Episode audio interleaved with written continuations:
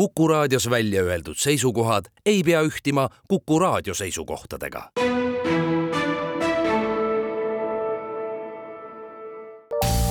terviseks. saade valmib koostöös Eesti Vähiliiduga tere, head Kuku kuulajad, eetris on saade Terviseks ja me räägime täna meeste tervisest ja eesnäärmehaigustest. mina olen Ingela Virkus ja koos minuga on stuudios Regionaalhaigla kirurgiakliiniku uroloog doktor Teesi Sepp, tere!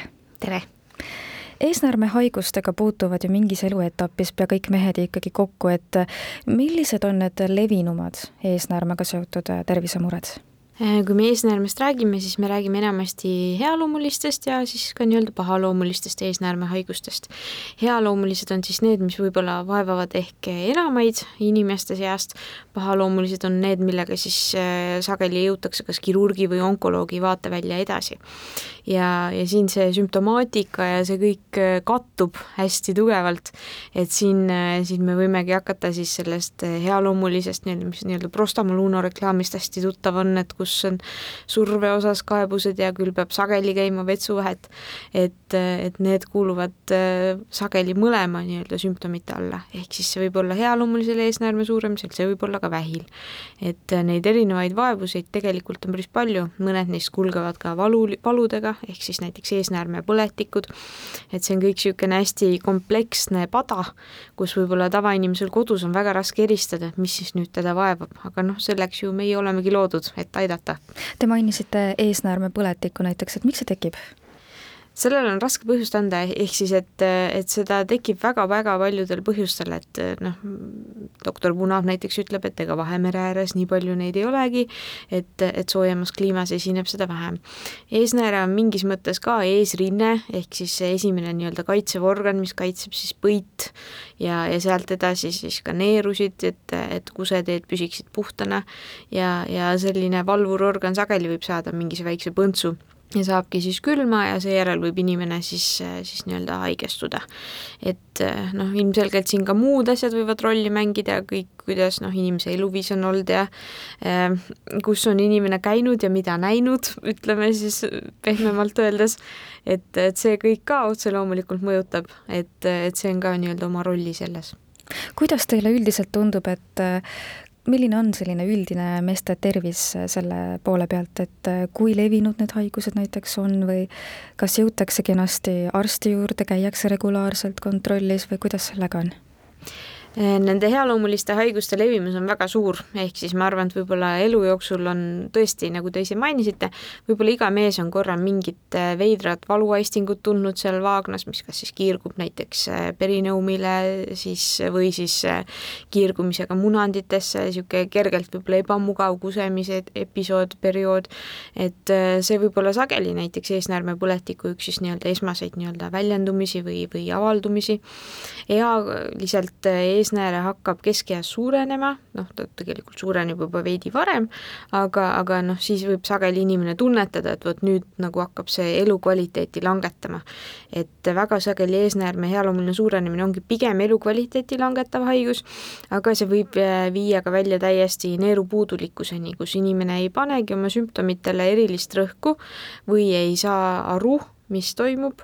Ja, ja seejärel see vaene põis peab siis kuidagi väga, üle väga suure takistuse midagi edasi pressima ja inimesel tekibki näiteks neerupais ja sellest johtuvalt omakorda neerupuudulikkus. et see üks healoomuline suurenemus võib ka väga palju kurja inimesele teha, et siit öö, omakorda niisugune nagu väga erineva kliinilise pildiga võivad need kaebused ja vaevused inimese jaoks olla et siit võib igast ühest erinevalt lausa romaane kirjutada, et et, et kuidas see diagnostika kus... pool toimub, on ju? just, just. me jõuame sinna varsti ka, aga kelle poole siis pöörduma peaks, kui mees tunneb näiteks seal Vaagna piirkonnas mingisuguseid muutusi, valusid, et kas ta peaks üldse võib-olla esialgu natukene jälgima seda olukorda, et mitte kohe kiiresti arsti poole pöörduma või siiski? see tegelikult on natukene ealiselt ja see on natukene ka perekondlikest riskifaktoritest äh, omakorda sõltuv. ehk siis suurema tõenäosusega nooremaealisel mehel ongi see võib-olla mingi niisugune kerge põletiku episood, aga sellegipoolest võiks ikkagi need baasanalüüsid ära teha, ehk siis kas või vaadata üle, et kas uriin, uriinis endas on põletikku, seda kõike saab perearstil teha ja perearstid filtreerivad päris hästi välja, et keda näiteks edasi suunata või mitte. teadupärast uroloogile või androloogile jõudmiseks on vaja saatekirja. et meile ilma saatekirjata Haigekassa või siis nii-öelda Tervisekassa eh, hinnakirja alusel ei saa, et eh, alternatiiv sellele on siis otse loomulikult mingi tasulisele vastuvõtule, aga e-, enamik Eesti inimesi siiski eelistab ja on ka nii-öelda ainus variant ongi siis oodata seda riiklikult rahastatud vastuvõtuaega. aga, aga jah, ühesõnaga, et siis perearst filtreerib ära, kas ja mis ja, ja kui riskantne või keeruline see olukord on. kui perekonnas on teada olla, olevalt äh, rinnavähi või eesnäärmevähi juhtumeid, siis, äh, siis see võib äh, tõsta patsiendi kõrgemasse riskigruppi, et jälgida kindlasti olulisemalt varasemalt selle BSA suhtes, millal seal, mida hakata siis nagu spetsialistile varem suunama. esmaseid uuringuid, et hinnata näiteks, kui palju uriini jääb põide sisse, kas on mingeid niisuguseid uriini väljutamishäireid, kas on näiteks riski neerudele omakorda, et neerud võivad jääda paisu alla, neid ultrahelisid saab perearst tegelikult ka kõike tellida, aga sageli noh, teeme selle meie oma vastuvõtu käigus juba ise ära, ehk siis, et enamik urolooge vaatabki need asjad kõik iseenda kontrolli ajal üle. siin on ka väike erisus, ehk siis, et meil on tegelikult uroloogid ja meil on androloogid. ehk siis androloogid on need, keda me siis sagedamini nimetame meestearstideks, ehk siis äh, põletikega tegelevad meil Eestis on niisugune kuidagi välja kujunenud, et põletikega tegelevad rohkem androloogid, ehk kui on see valu, mis kiirgub siis munanditesse või kuskile sinna munandikoti ja vaagna vahele, siis äh, sageli see oleks esmaselt selline põletikukahtlusega patsient ja tema võiks pigem pöörduda siis just androloogile, sest et suurema tõenäosusega vajab ta just androloogil edasi võib-olla neid spetsiifilisi uuringuid ja täpsustamist, jälgimist. küll aga kui on niisugune pigem takistus urineerimisel, keskiga ka juba äh, sillerdab silme ees või juba ammu käes, siis, äh, siis on see pigem, pigem just uroloogiline juhtum, kes võiks juba siis otsekohe meie vastuvõtule pöörduda. Et otse loomulikult äh, vennas erialad äh, oskavad üksteise muresid äh, vähemalt esmaste võtetega kõike lahendada ja aidata ja ravida, aga, aga siin on ka niisugune noh, pisikene erisus, et, et me tegelikult valdame, teame üksteise neid murekohti väga hästi, kuidas patsienti aidata, aga mõne asjaga saab patsient nõndaviisi pisut kiiremini täpsema nii-öelda eriala juurde kuidas aga sellise regulaarse kontrolliga on, et kui me praegu oleme pigem keskendunud sellele, et kui mehel on mingisugused kaebused või mured, siis ta tuleb arsti juurde, aga kui tihti tegelikult võiks mees käia lihtsalt meestearstil näiteks kontrollis?